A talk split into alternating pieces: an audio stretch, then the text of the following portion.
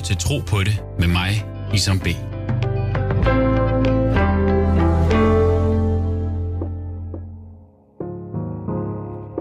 Mit navn er Isam. Jeg er mange ting. Far, ægtemand, bror, ven, en ildsjæl og troende, troende muslim. Jeg tror på Gud. Hvad tror du? Jeg har min tro med mig alle vegne. Også på arbejde, i min musik, i min lyrik. Og når jeg serverer bæredygtig kaffe i familiens kaffebar. Min tro inspirerer mig til at se folk i øjnene. Spørg ind til deres dag. Stop op. Prøv at huske andre end mig selv i en travl hverdag hvor alt skal gå ekstra hurtigt. Du lytter til Tro på det, med Isam B. Nora er en af de mange troende danskere, som vi ikke kan være for uden. Udover at være mor til fem og aktiv debattør, er hun nemlig jordmor. Som jordmor på Hvidovre Hospital er hun dagligt ansvarlig for det mest dyrebare hos forældre. Nyt liv. Lyt med og hør, hvordan Nora bruger troen på arbejde til sin egen og andres fordel. Første gang, jeg møder dig, det er til øh, øh, min søns fødsel. Min kone er i gang med vejer, der er åndedrætsøvelser, og, øh, og hun er... Er hun egentlig bevidstløs, eller er hun ved bevidstheden, eller hvor, hun, hun er sådan et eller andet sted ind imellem, fordi jeg kan huske, at altså, øjnene er ikke åbne, men hun, hun, hun kæmper. Og det jeg lægger mærke til, fordi jeg, jeg sådan, jeg bliver meget Altså, jeg har to drenge nu, og øh, begge gange husker jeg, jeg bliver meget åndelig bevidst ved fødslerne, og op til, vil jeg sige. Altså, fordi man finder bare ud af, hvor meget tingene bare ikke er i ens hænder. Så, og øh, begge gange har jeg lagt mærke til, at personalet på hospitalet er også bare sådan, altså de, de har jo travlt, de passer deres arbejde, men, øh, og de bliver ikke generet af, at man er i gang med at bede, eller at man, du ved, så længe man har fundet sit sin plads, ja. hjørne, ja, præcis. og man ikke forstyrrer noget. Uh, og, og der er som om, at der er en fuld forståelse, fordi der er noget stort på vej. Uh, og alt kan ske. Mm. Uh, og jeg synes bare, at du var så overskudsagtig, fordi samtidig med alt det her foregik, så tror jeg, at du fortalte mig hele din livshistorie. Ja, det kan godt være. det har været en lang fødsel. Kan, kan, kan vi regne os det? Det har været en lang fødsel. Ja, det var en lang fødsel, men også bare, at du havde styr på dine ting, og du vidste, hvad du gjorde. Og så også, at øh, du, altså der, hvor overskudselementet kommer ind, det er, da du beder øh, hende, der skulle tage over for dig faktisk, mm. din kollega, siger du bare, ved du hvad, øh, jeg tager din vagt, øh, fordi det her, det er personligt, det er en veninde, og jeg skal nok være med til at følge den her til dørs. Ja. Mm. Hvor kommer det der overskud fra? Jamen, det kommer af mange års erfaring, og så også, hvem man er som menneske. Mm. Og for at skabe noget intimitet til patienten, så er du nødt, for at få noget, så er du nødt til at give noget. Mm. Og, øh, og når du giver noget, så skaber du en tryghed og en tillid. Og når du snakker, fordi som du sagde, så din kone, hun var sådan on and off. Når hun havde vejr, så var hun vågen, og hun øh, ikke havde vejr, så lå hun midt imellem. Øh, og sådan er det. Og mange fødende, det, det er jo individuelt, men de fleste fødende kan godt lide, at, at der er nogen, der snakker, og så siger de selv fra. Nu skal I ikke sige, nu må I gerne være, være stille. Og det kan jeg også huske, din kone til sidst sagde, nu siger jeg ikke mere. Og så blev vi også lidt mere stille. Ja, men altså, det, var også fordi, også helt til sidst. Jeg bare sige, det er fordi, du talte meget. Jeg, jeg blev bare interesseret. Altså, ja. det var nærmest som at sidde her nu. Ja, men... Øh, det er derfor, jeg sidder her nu. Ja, lige præcis. men, men, øh, men man bliver jo på en eller anden måde en meget vigtig brik i, i de her forældres liv. Og det bliver jo også for jer. I vil jo altid huske mig. Jeg har jo folk, jeg møder på gaden, de siger, du har taget imod min 20-årige knægt, han øh, er 20 år i dag, ikke? Og, og de kan huske mig, mm. fordi det var noget, noget godt. Mm. Og øhm, det, der er vigtigt for mig i forældreskabet, det er parforholdet. Og det betyder rigtig meget for mig, øhm, at man som øhm, elskende, som par, som forældre, husker hinanden i alt det her. Og det tror jeg, det var det, var, der var sådan indledning i det her. Fordi jeg har jo som sagt fem børn. Og når man har så mange børn, så, er der, så ryger ægteskabet meget hurtigt, meget nemt. fordi at man kan ikke rumme børn og mand og hustru og alt de der ting, så det bliver, det bliver for meget. Og det har jeg også gjort, hver gang jeg har holdt forældre, altså hvad hedder det, fødselsforberedelse, så har jeg jo virkelig pointeret, for mig at det aller, aller vigtigste øh, ting, når man bliver forældre, det er parforholdet. Mm. For hvis mor og far har det godt med hinanden, mm. så har børnene det også godt. Og statistikken er lidt kedelig, det viser, at når man er blevet forældre, efter nummer et, især nummer to, nummer tre endnu værre, så er der risiko for, at man går fra hinanden, mm. fordi man kan ikke rumme det. Og derfor fortalte jeg lidt om, hvem jeg var. Jeg havde fem børn, og jeg var alene mor, og ja, det kan godt være, at jeg fremstod som en stærk kvinde, og det skal man være, hvis man skal være alene mor til fem børn, og plus at have forældre, man også skal tage sig af. Men det er jeg bare, mm. og det nogle gange er det rigtig, rigtig hårdt. Men øh, jeg tror, min tro hjælper mig op nogle gange, når jeg sådan tænker, jeg kan næsten ikke klare det. Så er der nogen, der ligesom holder hånden over mig, eller ligesom løfter mig, eller giver mig et kærligt skub. Mm. Hvad er troens rolle i dit arbejde så? Det virker som om, at den betyder noget. Altså også det her med, at det er, igen, du er øh, jordmor. Du ved, der sker noget ved en fødsel. Fødsel, der er noget åndeligt der. Mm. Og jeg tænker også ligesom ved døden, når folk går igennem øh, oplever mm. døden på den ene eller den anden måde, så bliver de også lidt mere spirituelle, mm. lidt mere åndelige. Mm. Hvad betyder troen for dit arbejde, og oplever du egentlig også, at der er en, en åndelig atmosfære ved en fødsel? Ja, det, altså jeg oplever nogle, øh, hvad skal man sige, nogle ledninger i, i, i rummet, når man føder. Der sker et eller andet. Det er magisk nogle gange. Lige meget hvor hektisk, men der hvor man virkelig mærker det, det er, når der er en jordmor og parret og ikke andre. Og ind på min stue kan jeg godt lide, der er mørkt, så lidt lys som muligt, så lidt lyd, hvis man vil have musik, hvis man vil have øh, koran tændt, eller øh, høre Bibelen eller et eller andet, det må man gerne. Det er helt forældrenes præmisser. Jeg skubber dem lidt på vej til, I må gerne gøre sådan, I må gerne gøre sådan, er det okay, jeg slukker lyset lidt, jeg har så lidt lys, fordi det bliver bare, det bliver bare magisk på en eller anden måde. Mm. Øhm, og ja, troen betyder noget for mig. Nu har jeg jo i mange år også vasket døde lig. Det har jeg så ikke gjort så meget de sidste par dage. Vi vasker jo som muslimer jo lig øh, inden de bliver begravet. Det har jeg også gjort. Så for mig har jeg jo både taget imod nye borgere, og så har jeg mm. taget afsked. Og når man gør sådan noget, så kan man ikke andet end blive spirituel. Mm. Men jeg er jo ikke... Øh, jeg er jo ikke fanatisk. Det er ikke sådan, at jeg lægger mit bedtæppe midt på gangen, og så begynder at, at bede, og jeg arbejder på ultralyd. Øh, der mærker jeg også noget magisk og noget tro der, fordi når jeg så forældre, fortæller forældrene under en scanning, prøv at høre, der er noget galt med dit barn, den er alvorligt syg, så kommer troen igen ind. Hvorfor? Hvad har jeg gjort? Og øh, kan, det, kan der gøres noget? Og, altså, så melder det sig. Mm. Vi tror alle sammen, selv den mest ateist, øh, ateist øh, type, mm. når de får en krise, så tænker de, hvorfor er der noget? Mm. Ja, altså, og det fornemmer jeg. Jeg har mange, jeg har mange patienter, der siger, vi tror ikke på noget sådan noget, men når der sker noget, så kommer spørgsmålet, hvorfor? Eller, ja. hvad, hvad har jeg gjort? Ja. Hvad har vi gjort? Kunne vi have gjort det anderledes? Så ja, jeg er et troende menneske. Jeg har tørklet på på mit arbejde, men det jeg bruger min tro til, det er at vise den positive side af min tro. Mm. Det der med at være dedikeret til sit arbejde og jeg er næsten aldrig syg. Jeg er pligtopfyldende. Jeg er meget sød og rar og kærlig ved patienterne. Selvom det er en scanning, så er jeg jo utrolig dedikeret. Jeg kan godt lide at gøre mit arbejde til punkt og prikke. Det kan jeg både som jordmor, som fagperson. Det kan jeg som mor.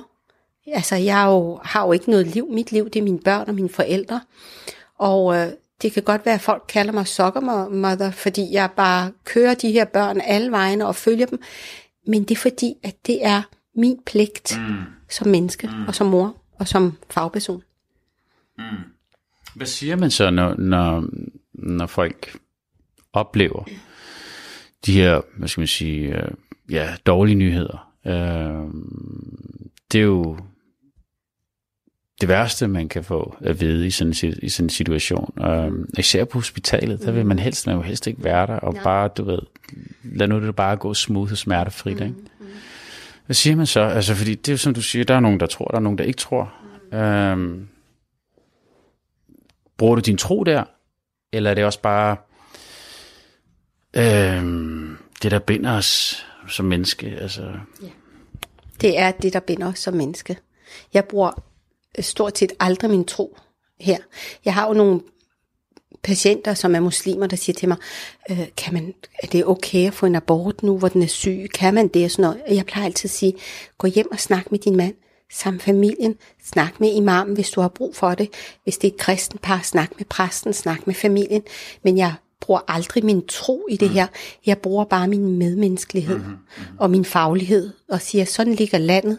Og tit så siger de til mig, hvad vil du gøre, hvis det var dig? Det kan jeg jo ikke engang svare på, for det er meget individuelt. Mm. Og hvad jeg vil gøre, er måske ikke nødvendigvis det rette for dig. Så det er at give dem et grundigt, øh, hvad skal man sige, øh, oplyse dem grundigt, mm. Så de kan træffe et informeret valg, hvor man så bagefter kan samle dem op og sige, altså når jeg sådan har dem ud af stuen, og jeg siger, at den har en øget risiko, du skal stikkes, du skal lave en førstevandsprøve, eller du skal scanne til en læge, så prøver jeg som regel at fange dem bagefter midt på gangen. Eller dagen efter, når de kommer, sådan noget, jeg skriver, lige, skriver mig bag øret, hvornår de kommer. Og så mm. samler jeg dem op, og så siger jeg, hvad, øh, hvordan gik det og sådan noget. Ikke? Og de græder, og jeg giver dem kram, og øh, jeg kigger dem i øjnene, og jeg siger, snak, jeg lytter. Jeg kan godt lide at lytte, og jeg kan godt lide at sige, at jeg forstår godt, du er ked af det, og jeg er der for at hjælpe dig, hvis du har brug for det. Øh, og jeg har stadigvæk, jeg er her alle dage, jeg arbejder jo stort set hver dag, og du er velkommen til at komme igen, hvis du har brug for at snakke. Mm. Jamen det er jo også, øh, hvad skal man sige, essensen af en, af en tro, vil jeg sige. Øh, synes du, du får bekræftet din tro gennem dit arbejde?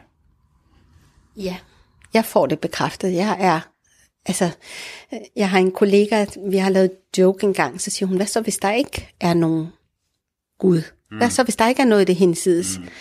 Så siger jeg, ja, der er ikke nogen, der er kommet tilbage og sagt det. Vi følger nogle bøger, og vi følger noget, øh, hvad skal man sige, snak, der er gået frem og tilbage sådan noget. Men så siger jeg så til hende, og det, det hun sådan meget, respekterer mig rigtig meget for, så siger jeg, jamen, hvis nu der ikke er noget der, jamen så har jeg kun været et godt menneske. Så det er en win-win situation for mig alligevel. Mm. Jamen, øh, nu er du sådan, øh, som du også sagde, du, du bærer dit øh, tørklæde på arbejde øh, øh, på et sygehus, som jo er offentligt, mm. øh, hvor der findes alle slags, øh, alle slags mennesker. Øh, hvordan bliver du modtaget af forældre i så øh, ja, sårbare situationer, som, som jo er en hverdag for dig? Altså, jeg bliver mødt som alle de andre, og når de forlader min stue, så bliver jeg mødt med stort smil og taknemmelighed, som er jo kæmpestort for mig. Så lige når jeg kalder på dem, så kigger de lige en ekstra gang og hilser. Jeg hilser pænt, jeg giver hånd, jeg har ikke sådan håndforskrækket. så jeg giver hånd, og det synes jeg, det er, så selvfølgelig hvis jeg er forkølet, eller jeg kan se faren er forkølet, så siger jeg, det er okay, jeg ikke giver hånd, for jeg skal give hånd til 10 andre patienter, det er okay. Men jeg giver hånd, og jeg møder dem der, hvor de er. Og øhm, og jeg har ikke oplevet, at nogen har sagt, jamen hende der vil vi ikke have. Jeg har, jeg har, jeg har sagt det mange gange, det her i medierne. Jeg havde faktisk en fødsel for mange år tilbage, hvor jeg kommer ind og skal overtage den her fødsel, øh, fødsel og så ligger patienten med sin mor, og så er manden sådan en rocker. Kæmpestort øh, brød med tatoveringer og ikke noget hår og sådan noget. Og han ser mig komme ind og tænker, det er en løgn. Historien melder, at han går så ud, og så spørger han, er der ikke en anden jordmor, vi kan få? Vi vil have hende. Og så siger afdelingsjordmoren, der er ikke andre, der er kun hende, fordi vi har travlt, og alle er inde på en stus. Vi kan ikke bytte, i hvert fald ikke nu. Lad os snakke om det senere. Du kan komme ud bagefter, hvis du har... Nå, det korte og det lange er, at jeg giver patienten, den fødende, en rigtig god oplevelse. Hun får en epidural, hun får født, og hun kigger på mig. Og jo mere fødslen skrider, jo mere kigger han mig i øjnene, og jo mere sådan anerkender han mig på mm. en eller anden måde. Og, øhm, smiler til mig, og sådan, og så da vi er færdige, har vejet og målt og sådan noget, hendes mor har givet mig et kram, og hun giver mig et kram og sådan noget, så siger jeg farvel, jeg giver ham ikke hånden. Så siger jeg farvel og held og lykke, og jeg kan huske, at han havde sådan en lille læderjakke øhm, til sin søn, hvor der stod junior bagved. Mm. Øh, og så siger jeg farvel og held og lykke, og sådan noget, og så skal jeg ud af døren, fordi vi har vagtskifte. Og i det, jeg skal åbne døren, så mærker jeg nogle arme, der tager fat om mig bagfra, og så mister jeg jordforbindelsen. Han løfter mig. og så bliver jeg sådan helt forskrækket, så længer han, og så vender han mig om, så siger han undskyld. Og så gør han sådan virkelig sådan ligesom kineser, når de, mm. øh, og så siger han undskyld, så siger jeg for hvad? Så siger jeg, at jeg havde nogle fordomme over for dig til at starte med, så siger jeg, ja, men øh, er de blevet ændret, og det, det, det synes han. Og han fortalte så gar, han havde været ude og spørge min anden jordmor, men det havde han fået afslag på, og det, han, det var han glad for. Så det er sådan den negative ting, jeg har oplevet. Jeg har oplevet, at folk, når jeg begynder at åbne munden, og jeg viser min faglighed, så bliver de sådan helt, wow. Ja. Der er også nogen, der spørger om, hvordan er du kommet ind på jordmorskolen? Øh, jeg er kommet ind af hoveddøren, ligesom alle de andre. Mange, der tror, jeg har det fra mit hjemland, ikke? ja. Men det er også det her med, at at øh, man er ligesom tvunget til at være i de samme rum, ja. i hvert fald en del timer. Ja. Ikke? Og der kan man jo nå, der kan nå at ske rigtig meget. Mm. Øh, og man er ligesom tvunget til ligesom at give hinanden en chance. Ja. Øh, og der tror jeg mange, det her med, at det er ud af ens hænder. Ja. Og du står der som jordmor, mm. og øh, en skide dygtig en. Mm, tak. Øh, så bliver du lige pludselig deres hænder. Mm. Øh, og det, kan, det øh, ændrer selvfølgelig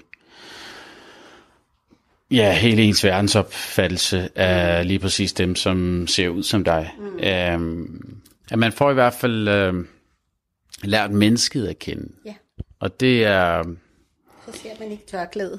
Nej, præcis. præcis. Mm. Er der egentlig nogle regler for, hvad farve tørklæde skal ja. være? Og det synes det er jeg rigtig ked af. Nå, du vil gerne have regnbuefarvet, eller?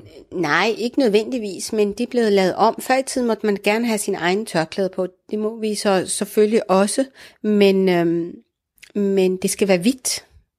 Okay. Fordi man skal kunne se pletter eller et eller andet, men folk har jo farve deres hår, som jeg ved ikke hvad, og er der nogen, der er mere sådan ren, mm. sådan hygiejnisk, så er det mig med tørklæde. Men det skulle være en del af uniformen. Mm. Men vi har en uniform, der er der består af hvid og altså operationsgrøn, og så er der turkisblå og så marineblå. Og så har jeg sagt, kan jeg ikke have de her farver? Niks, det er hvidt. Så jeg er den hvide dame eller hvide spøgelse, mm. der render rundt på gangen. Du lytter til Tro på det med mig, Isam B. Tryghed og indre ro er jo øh, alfa og omega en god fødsel. Ja. Øh, I forhold til din tro og rødder, mm.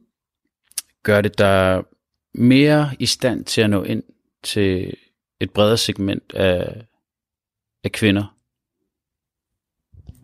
Ja, det gør det bestemt. Øhm, altså, der er jo flere elementer i i det her. Et, jeg har gået på den franske skole fra jeg var tre år til jeg blev student. Jeg har gået på en skole, hvor vi var 62 nationaliteter, så jeg har en indsigt i rigtig mange mm. øh, kulturer. To, så er jeg jo, har jeg en ben i hver lejr. Jeg er jo både dansk, når jeg åbner munden og taler, og i og med, at jeg har været her hele mit liv og sådan mm. noget, ikke? Mm. Øh, så har jeg det franske i slet i mig, fordi jeg øh, jo har gået haft fransk så mange år. Øh, men også det, at jeg er som muslim, så jeg kan jo sådan for, forene mig, eller folk kan se noget i mig, spejle sig i mig, og de behøver ikke nødvendigvis være fra samme oprindelsesland, hvor mine forældre kommer fra. Mm. Jeg er oprindelig fra Marokko, men en pakistaner ser noget i mig, som ligner noget hendes mm. kultur. Det gør en tyrker, en jugoslav, eller en albaner, kosovo-albaner, eller hvor de er fra. Der ser de noget i mig. Og det samme, når der kommer en, et fransk par, og de kommer ind, jeg kan se på navnet, de franske, og så siger jeg, men uh, bonjour, vous êtes français? Oui, tu parles français, ah, oh, du taler fransk. Så bliver det pludselig, så bliver jeg ligesom Gud, jeg kan, ikke øh, spejle sig i mig. Ikke? Så ja, jeg har jo en baggrund, der gør, at jeg forstår rigtig mange kulturer. Jeg har også en, et øh, menneskesyn, der gør, at jeg møder folk der, hvor de er. Øh, og allerede at kunne det, og lige stikke en finger i jorden og sige, du er der, så jeg møder dig der. Og det er jo ikke kun, hvad angår etnicitet, det er også sociale klasser. Mm. Altså, jeg behandler folk, om det er en kendis, eller om en, der er øh, på, øh, på bistand. For mig er det patienter, de skal behandles ens på samme måde. Så der gør jeg aldrig nogensinde nogen forskel. Mm. Så ja, mit, øh, mit, mit, det jeg har med i bagagen, det gør, at jeg har bare en, øh, en bedre indsigt i, øh, i patienterne. Så øh, nu hører vi også rigtig meget omkring øh, at systemet er presset, sygevæsenet. Øh, øh, I en hverdagskontekst, hvordan bruger du din tro der til at holde, til at holde fokus?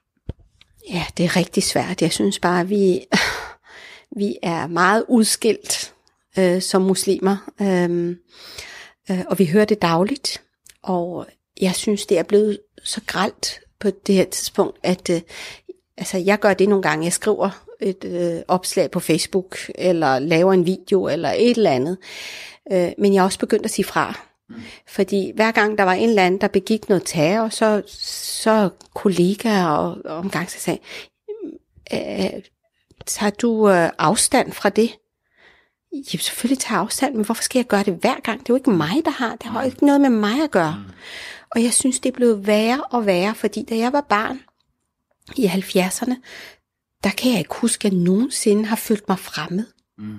Jeg har følt mig som, og tværtimod, jeg følte mig faktisk, folk stoppede mig, Gud, du har brune krøller, og du er så sød, og altså, jeg blev set som noget positivt, og mine forældre var meget vældige, og de har jo arbejdet hele deres liv til, at nu mine børn kan blive udskilt på en fodboldbane eller på en håndboldbane, mm. hvor der bliver råbt sorte svin, og jeg ved ikke, hvad hun tænker, hvad snakker du om? Det er små børn. Mm.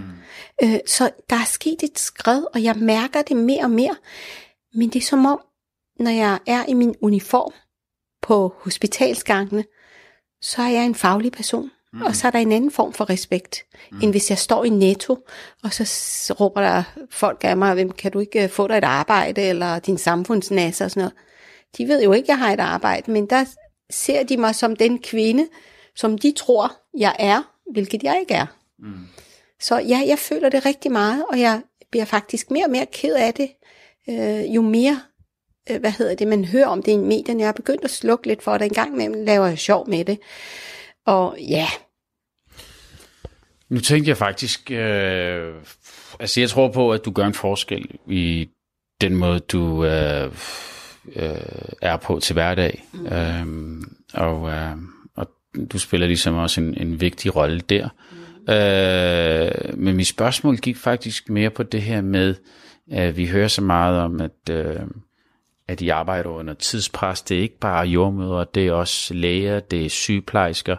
Øh, så hvor, hvordan bevarer man roen, når, og kan man bruge troen, øh, når rammerne er så, øh, jeg kan være så presset? Mm. Ja, det kan man. Og så skal man være god til at lade op hjemme. Og jeg har mange måder at lade op derhjemme. Det har jeg ved at lave en stille bøn. Det har jeg ved at faste en gang imellem. Det har jeg ved at gå min maraton, som jeg går. Øh, nogle gange går jeg med en veninde, nogle gange, nogle gange går jeg selv. Jeg løber delvis, og så går. Og øh, jeg har også mine børn med. Øh, vi har fundet en rute, der er 27-30 km. men det er en rigtig øh, god måde at være sammen med sine børn på, fordi så har jeg dem Ligesom, ligesom jeg har en fødende låst ind i en stue, det er dig og mig, du er nødt mm. til at kunne lide mig, eller mm. acceptere mig, jeg er nødt til at acceptere dig. Sådan har jeg det også med mine teenager. Vi er sammen, vi er ude i naturen, der er ikke noget øh, net, der er dårligt netværk. Så, så, og så snakker man, de fortæller rigtig meget, og vi får løst problemerne. Så min måde at, og hvad skal man sige, at klare det her pres, som der er i det offentlige, det er ved at lavet op derhjemme med forskellige tiltag. Ved at sidde på en, i en håndbold, øh, håndboldhal og se mine piger træne eller spille kamp, lader jeg også op til ved at gå hjem hos mine forældre og bare ligge i min fars arme. Mm. Det er, mm. altså, så ja, troen er der, og jeg har altså vi siger, at troen ligger, eller øh, paradis ligger under mors fødder. Mm-hmm. Altså for mig ligger paradis under både min mors og min fars fødder. Så mm. jeg føler, at deres velsignelse og deres, øh, deres øh, glæde over og stolthed over, at vi har klaret os så godt, den betyder rigtig meget. Det er drivkraften i det, og det håber jeg, jeg kan videreføre til mine børn. De siger også, de føler den der drivkraft. Jeg tror også, der er noget vigtigt i det her med at tage sig af sin, eller bruge tid med sine forældre, ja. bruge tid med de gamle. Mm. Øh, I en tid, hvor vi selvfølgelig har så travlt, altså mm. vi er presset på arbejde, men vi er også presset derhjemme. Mm. Så jeg tror, det her med at skabe et, et frirum derhjemme, og det gør man præcis ved at, mm.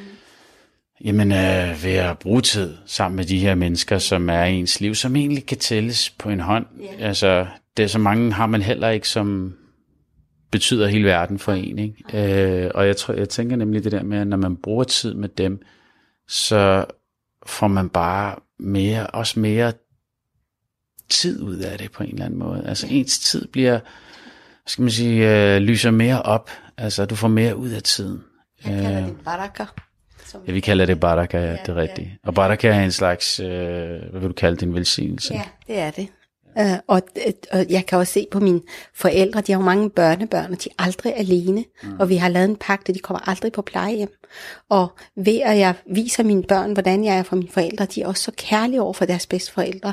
Og jamen vi skiftes, så er der en, der støvsuger, så er der en, der tager dem ud, så er der en, der mm. handler, så er der en, der kommer og laver mad, og der er en, der pusser vinduer, og det der med, at de ligger og krammer og kysser dem og sådan, den der glæde ved at have bedsteforældre, den håber jeg, at mine børn også bevarer, når jeg engang mm. bliver gammel, fordi det synes jeg mangler lidt i det danske samfund. Mm. Øhm, øh, det der fællesskab, øh, at øh, der er langt fra bedsteforældre til forældre til børnebørnene, øh, så kan man se dem en gang om måneden, eller en gang hver, øh, mine forældre, de kan se dem når som helst. De bor 200 meter fra mig, og det er jo nærmest en hovedbanegård hos mine forældre, men der lader børnene også op, og mine forældre lader også op. De har ikke mulighed for at følge dem, men når de kommer og fortæller, hvad der er sket, og sådan, så følger de dem også på den her måde. Men, men uh, i, en, i en tid, hvor vi har travlt, hvis man ikke har, hvis man ikke har tid, eller ens forældre bor langt væk fra en, altså jeg, jeg må indrømme, fordi jeg er mere eller mindre enig med dig i forhold til det her med plejehjem. Jeg har heller ikke et særligt godt forhold til plejehjem, men jeg har faktisk fået en større forståelse for det, det her med, at ens forældre hvis man ikke har tid til dem. Mm. Og hvis man ikke kan finde ud af at planlægge, øh, ja, du, du, øh, du, du, du ryster på, du skal lige høre mig tale færdig, øh, kollektivet, som der findes på plejehjem, det er jo også, det er da også en positiv ting, frem for at de sidder og, jeg undskyld udtrykket, rådner derhjemme. Mm.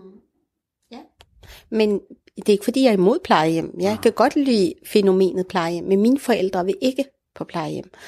Og så er kodeordet prioritering. Der er noget, der er need to do, og noget, der er nice to do. Mm. Og jeg har prioriteret mine børn, jeg har prioriteret mine forældre. Det er det, der kommer allerførst. Så det der... Har det også noget med tro at gøre? Ja, fordi jeg føler, at jeg føler en stor taknemmelighed for, at de har øh, givet mig livet, og jeg føler, at øh, min tro siger, at jeg skal passe på mine forældre. Mm. Derved opnår jeg øh, velsignelse. Så mine forældre betyder alt for mig. Mm. Og jeg må si- øh, sige det ærligt.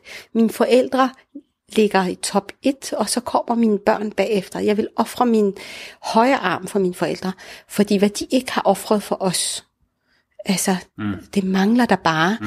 Da, de, da vi var små, vi var fem børn, Mm. De havde da tid til os. De prioriterede deres liv ud fra vores liv. De knoklede 16-18 timer hver dag, hvis de kunne gøre det med fem børn. Det er det, jeg plejer at sige. En mor kan passe fem børn, fem børn kan ikke passe en mor. Det er jo skræmmende. Mm.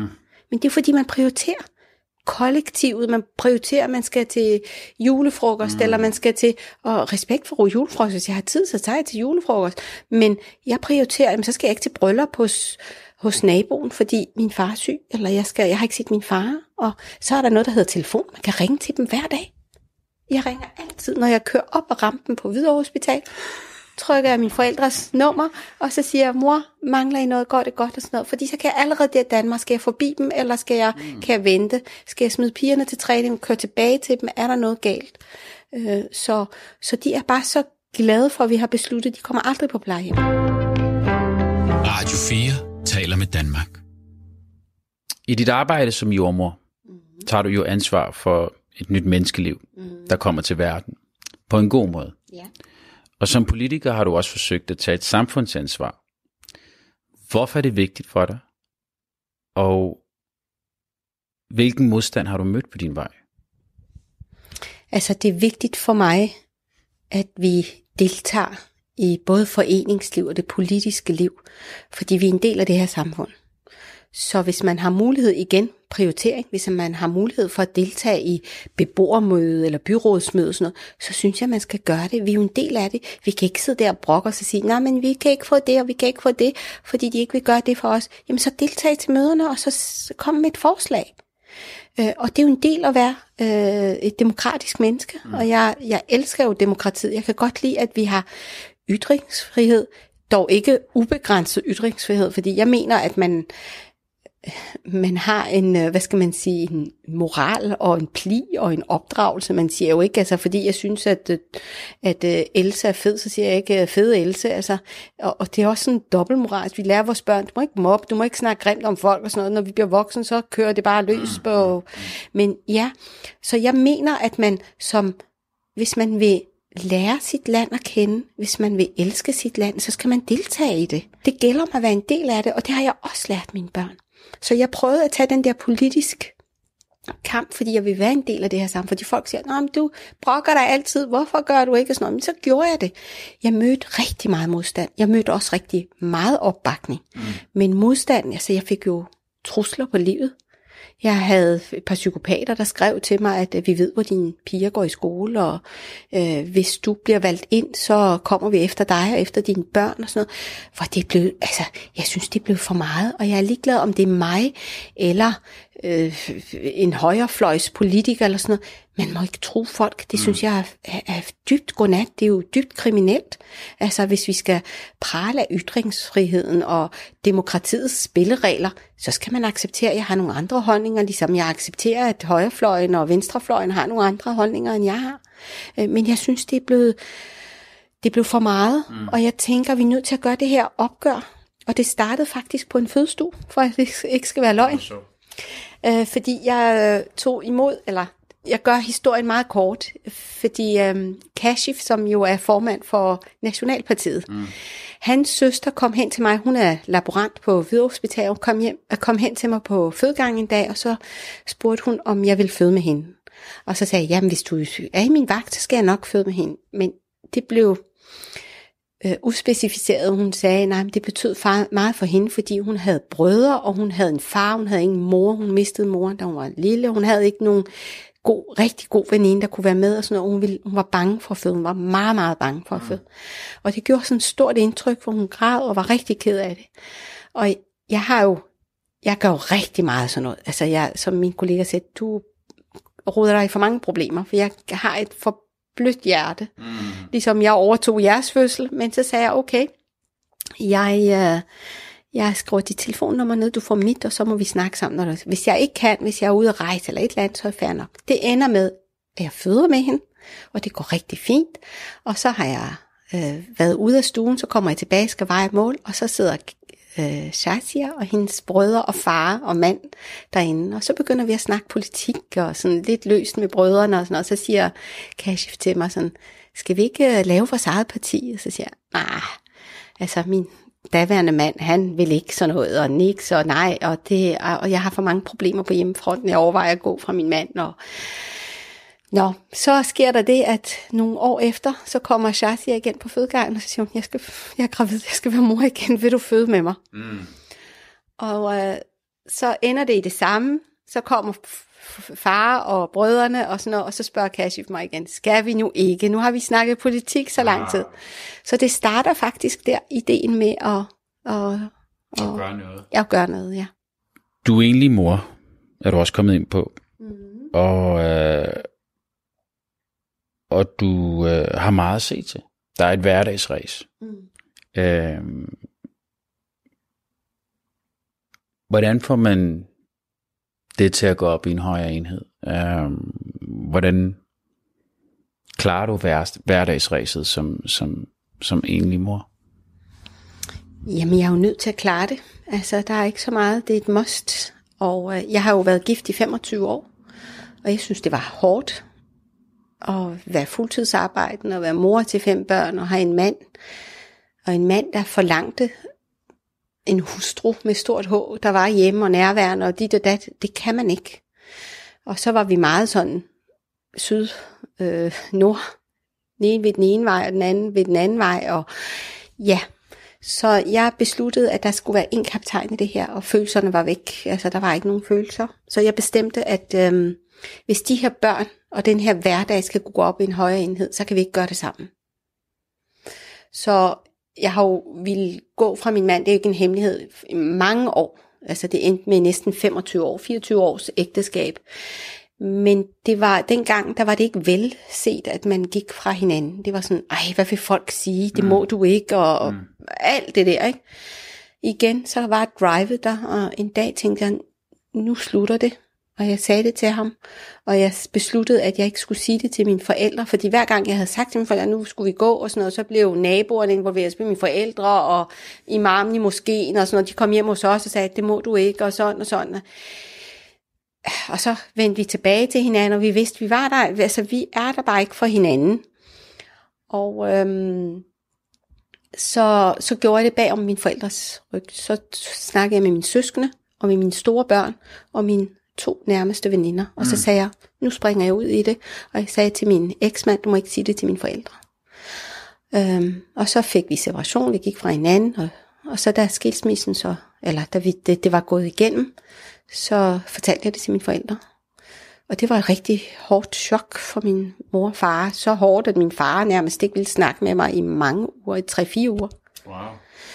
Og så fik jeg tilbudt et job i Dubai. Og øh, så blev jeg simpelthen, så, så kom drive i mig, så ringede jeg til min far, så sagde jeg, jeg skal svare dem i morgen.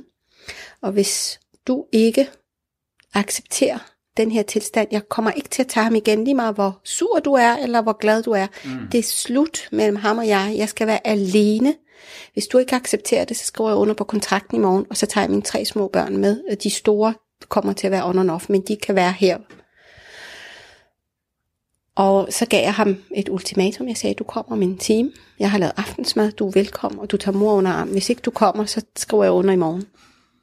Mm. Og så kom min far og mor og jeg har næsten aldrig set min far græde, men han græd der. Han var så ulykkelig. Ikke fordi jeg var blevet skilt, men han var ulykkelig over, at han, han ikke havde givet grønt lys for det for mange år tilbage. Han vidste, at jeg var, havde været ulykkelig i mange, mange, mange, mange år, og han så det og sådan noget, men han var, jeg var standhaftig. Jeg holdt ved og holdt ved og holdt ved. Altså, der er grænser, hvor meget man kan holde. Og der fik jeg en kæmpe undskyldning. Det er jo stort at få en undskyldning fra sine forældre af min mor og far mest. Den betød mest fra min far, at han sagde, at jeg beklager rigtig meget. Men se det positivt. Hvis ikke du var blevet, så havde du ikke fået de dejlige børn, du har. Og du mm. har verdens dejligste børn. Mm. Radio 4 taler med Danmark. Det lyder jo klart som om, at, der er en, at drivkraften også hænger sammen med troen i dit liv.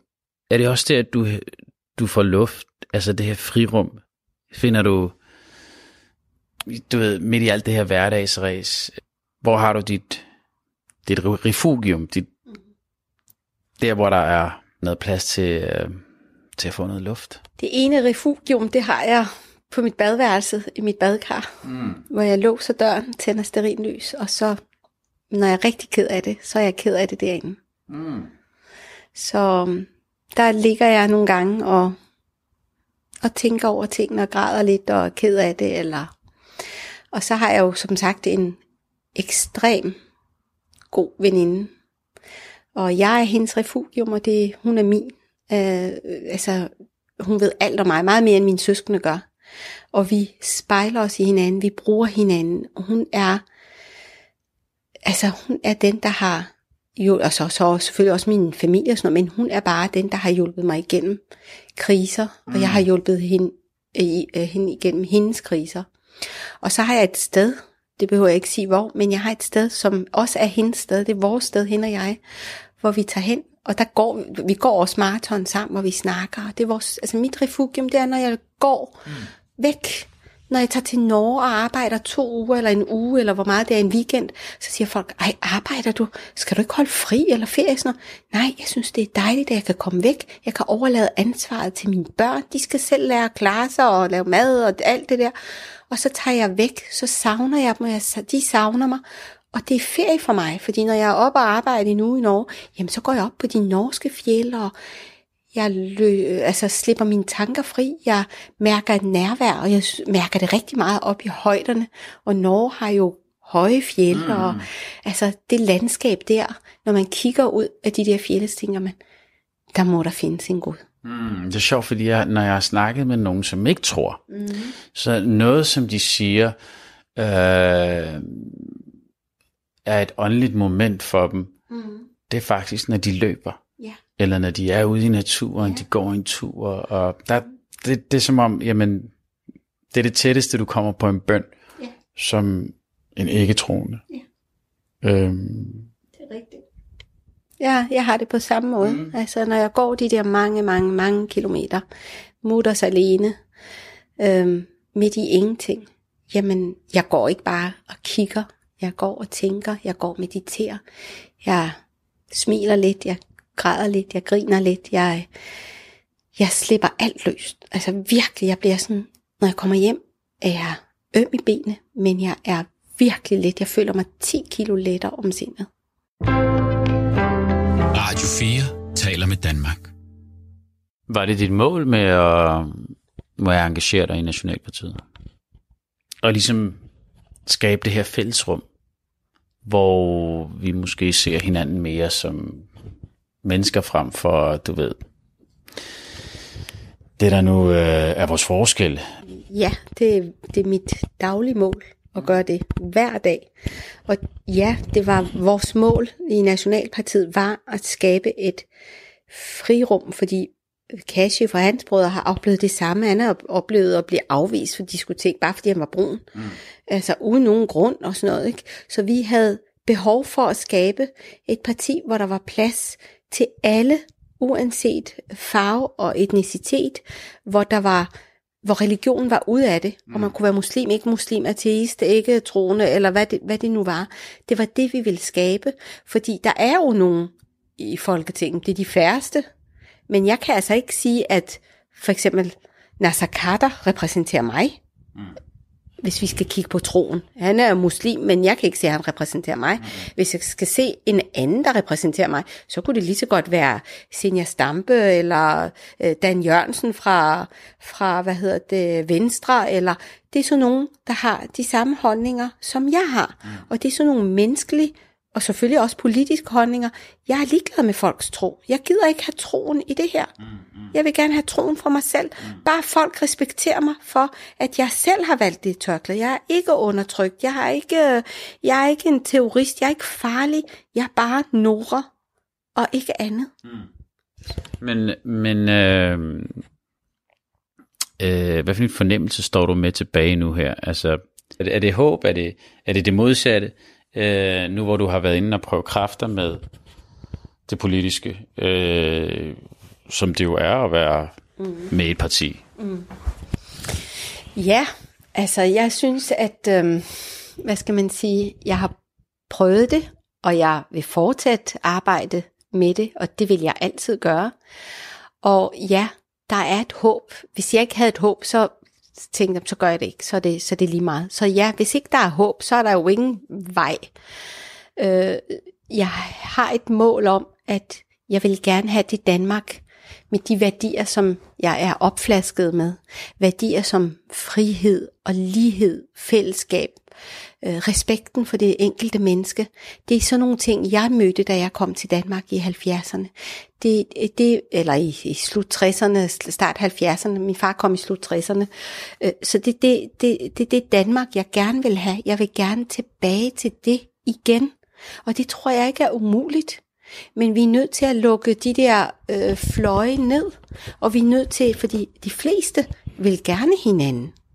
Og det er det, jeg gerne vil have. Jeg vil gerne have, at vi, øh, at, øh, at øh, vi respekterer hinanden, og vi får, og det var det, der var målet med øh, Nationalpartiet, øh, at vi øh, skabte et frirum, hvor de der værdier blomstret op. Øh, og jeg kommer altid til alle møder i foreningslivet med mine børn, til fodbold og håndbold og sådan noget. Jeg møder altid op. Jeg kommer med frugt og med kage, og jeg kommer til kamp, og jeg kører gerne og sådan noget. Jeg er så meget med, og jeg kan se, at de unge er begyndt at være med nu. Dem, der er, øh, er blevet forældre nu, her i de her sidste år, der kan jeg se flere og flere fædre stå på sidelinjen, og mødre også, der kommer og kører deres børn og sådan noget. Ikke? Så der sker noget. Stille og roligt. Men det tog fandme lang tid, synes jeg. Gør det ikke altid det? Øh, Det gør det. Der skal måske nogle generationer og sådan noget, men jeg blev udskilt nærmest. Øh, hvorfor, altså, hvorfor skal du til fodbold med din dreng? Jamen det skal jeg, fordi der, det kan deres far, om deres far gider det ikke, så er det jo mig, der skal ligesom mm. gøre det. Mm. Jamen der er jo kun mænd. Øh, ja, og hvad så? Altså de bider jo ikke, de mænd, ikke? Øh, så det der med at ture, også fordi der, Der kommer vi til dit drive igen. Ja, ja, og ture gør det. Og jeg kan huske i starten, folk synes, jeg var åndssvær idiot, at jeg brugte så uendeligt. Tror du, de bliver professionelle? Nej, de bliver ikke professionelle, men de står ikke på gadehjørnet. Mm. Og nogle af dem, der har spurgt mig, om de bliver professionelle, jeg kender et par stykker, hvis børn sidder i fængsel nu. Mm. Så hvem er det, der er blevet professionel? Er det, hvorfor? Nu kan hun pludselig se mening mm. i, hvorfor jeg gjorde det, mm. jeg gjorde. Der var en god grund, og det er bestemt ikke, altså mit motto for mine børn, det er, I skal kunne klare jer selv, I skal stå på egne ben, I skal være gode mennesker, I skal have en uddannelse, I skal have et arbejde, og blive professionel fodboldspiller eller håndboldspiller, jamen så tager vi det by the way, men skolen og alt det andet kommer først. Øhm, så ja, der sker noget stille og roligt, det skal nok komme, men som sagt, som du sagde, ja, det går langsomt, og sådan er det altid, men jeg ville gerne have haft, det var lidt før. Ja, jamen selvfølgelig, men du sidder jo også med den, du har øh, øh, fem børn, og du ved, teenagepigerne, og, ja. øh, og drenge. Ja. ja. Mm. Øh, og så igen det her med, med foreningsliv, og det at tage øh, fri, frivilligheden seriøst. Ja. Øh, selvom at der ikke er en krone i det, det er jo derfor, det er frivilligt arbejde, altså. Mm. Øh, men der er jo en, en um, der, der er et lys for enden af tunnelen. Øhm, og det mener jeg, det er nok noget af det, vi skal være bedre til at, at snakke om. I, øh, I hvert fald inden for det, muslim, det muslimske miljø, synes jeg. Øh, øh, der synes jeg i hvert fald, der er noget, vi kan gøre bedre. Også både vores generation, øh, og også den nye generation. Mm. Øh, Altså jeg plejer at sige, at mange etniske danskere, hvis de var muslimer, så var de bedre muslimer end os. Forstået på den måde, at de gør tingene helhjertet. Det der med at være frivillig, det er jo en del af islam, at lave tingene fisabilillah for en god sags tjeneste. Ikke? Øhm, den måde, de griber tingene an, etniske danskere, ikke alle, men rigtig mange, den beundrer jeg rigtig meget. Øhm, og, og den synes jeg mangler i, øh, i, i vores miljøer nogle steder, at det skal være, det skal kunne betale sig, ellers så gider jeg det ikke. Øhm, øhm, øh, ja, altså jeg har stor respekt for de træner, der har trænet mine børn. De kommer jo dag ind og dag ud efter arbejde, og de gør det, og de flytter børn, og de gør virkelig en kæmpe indsats. Og det prioriterer vi ikke. Vi kommer ikke, vi kommer ikke engang til møderne og sådan noget. Jeg synes, det er så respektløst at sende sine børn i skole, eller til fodbold, eller øh, whatever, og ikke møde op til skole-hjemsamtaler, forældremøder i skolen og sådan noget. Det er så respektløst. Det er dine børn, det er dit ansvar, og det er der mange fejler. De tænker, at det er statens ansvar, at børnene er statens ansvar, når de er uden for døren. Når børnene er udenfor, så er det statens ansvar. Men er det respektløst, eller er det bare uvidenhed? Altså... Jamen, hvor længe kan man være uviden? Helt ærligt. Altså, de kan jo se, at vi andre, vi gør det. De kan se, at vi andre, vi, vi knokler løs, vi har fuldtidsarbejde, og mange af dem har jo ikke noget arbejde. Sidder bare derhjemme. Det ved jeg ikke, om de kan. Jamen, hvorfor skulle de ikke kunne? Fordi jeg har jo, jeg har jo, altså jeg snakker af egen erfaring. Jeg har jo haft nogen, hvor jeg har sagt til forældrene, jeg kan tage jer med, når vi skal spille kamp. I kan køre mig, jeg kommer og henter jer fra døren og afleverer ved døren. Og de har sagt nej. Hvorfor vil du ikke se dit barn? Jeg synes, det er så sørgeligt. Jeg har set så mange talenter med anden etnisk baggrund, der løb ud på grøntsværen derude, hvor forældrene ikke har været, og så er de gået tabt, fordi de i puberteten begynder at få nogle andre interesser. Og det er lidt ærgerligt, mm. at man ikke støtter op med sine børn. Jeg synes, øh, det er dit ansvar. Det er jo ikke samfundets ansvar. Og det bliver jeg sådan, jeg bliver lidt harm, jeg bliver lidt sur, når jeg tilbyder, at jeg kan køre dig frem og tilbage. Jeg kører deres børn, det vil de gerne og sådan noget, ikke? Og jeg filmer live og sådan noget, så de kan følge med på Facebook, for ligesom at få dem til at interessere sig. Sådan noget. Det gør de ikke. Det er som om, pff, altså, så vil de se Al Jazeera og spise fuglefrø og drikke te. Helt ærligt, come on. Og, og folk, øh, ikke muslimer, siger, forbinder ordet jihad med noget negativt. Og jihad er jo ikke, det er et ekstremt positivt ord, ladet ord. Jihad, det er at gøre det bedste, man kan. Det gør sit aller ypperste. Men det er ikke inden for at dræbe sig selv og dræbe uskyldige mennesker. At jihad, det er at gøre det godt for sine børn, gøre det godt for sin nabo, uanset om hun er, øh, hedder Fatma eller Annette. Øh, jihad, det er at gøre det bedste som menneske. Og så er der nogen, der har misforstået ordet jihad og tænker, jamen hvis jeg springer mig selv i luften, så får jeg 72 omfruer, så er det jihad. Gud, det ej, du er en morder, når du gør sådan noget. Det har ikke noget med jihad at gøre. Jihad, det er, du sagde, hvordan kan du få alt, gribe alle de bolde i din hverdag? Hvordan kan du få dagligdagen til at gå op i en højenhed? Det er takket være jihad, det er takket være troen, det er takket være drivet og viljen til at gøre det. Fordi hvis jeg ikke gør det, hvem gør det så? Jo, så er det vel også kærligheden til dine børn. 100%. Øhm, 100%. Jamen, øh, øh, Nora, det har været øh, skønt at tale med dig. Øh, nogle sidste ord, du lige vil øh, fyre af her, inden vi øh, lukker og slukker med en bøn? Ja, altså jeg er jo sådan en øh, håbefuld kvinde, og jeg håber til det sidste. Øh, det håber jeg, der kommer til at stå på min grav, øh, gravsten, at jeg er en håbefuld og viljestærk kvinde. Jeg håber, at det jeg øh, er opfostret med af mine forældre, at jeg kan give det videre, og at øh, vi som samfund øh, bliver mere en helhed, end at blive en splittelse af dem og os. Jeg øh, håber, at vores kommende generationer kan, øh, kan blive mere fælles om tingene, end, end det er nu. Og, øh, og så håber jeg, at din ramadansang kommer i højskolesangbogen. Jeg synes, den er enormt god. Jeg synes, den er enormt god. Jeg, jeg, min, jeg, jeg har hørt den rigtig mange gange. Og ja, den... Altså, hvor har du hørt den hen? For jeg har ikke udgivet den endnu. Jamen, jeg har hørt den på Facebook og på YouTube. Nå, ja. Ja, der har jeg hørt den. Ja. Men, men jeg synes, at der skal være plads til øh, en ramadansang, der skal være plads til en julesang, og der skal være plads til en vinterbold, og en julebold, og en vinterfest, og en julefest, og sådan noget. Der skal være plads, vi skal være rummelige. Mm. Vi mennesker, vi er her kortvarigt, vi, vi er gæster på den her jord, og hvorfor ikke forlade jorden med et godt aftryk, i stedet for at forlade det som et øh, dumt svin? Jamen, øh, lad det være de sidste ord, og... Øh tradition tro, så slutter jeg af med en øh, bøn, som hedder Lysets bøn, øh, og som går, Gud, læg lys i vores hjerter, læg lys i vores sjæl. Tænd for os lys i vores grave, forøg lyset i os, giv os lys på lys. Amen. Du har lyttet til Tro på det på Radio 4. Mit navn er Isam B. Har du kommentar eller idéer til programmet, så skriv til tro radio 4dk Du kan også finde programmet som podcast på radio4.dk.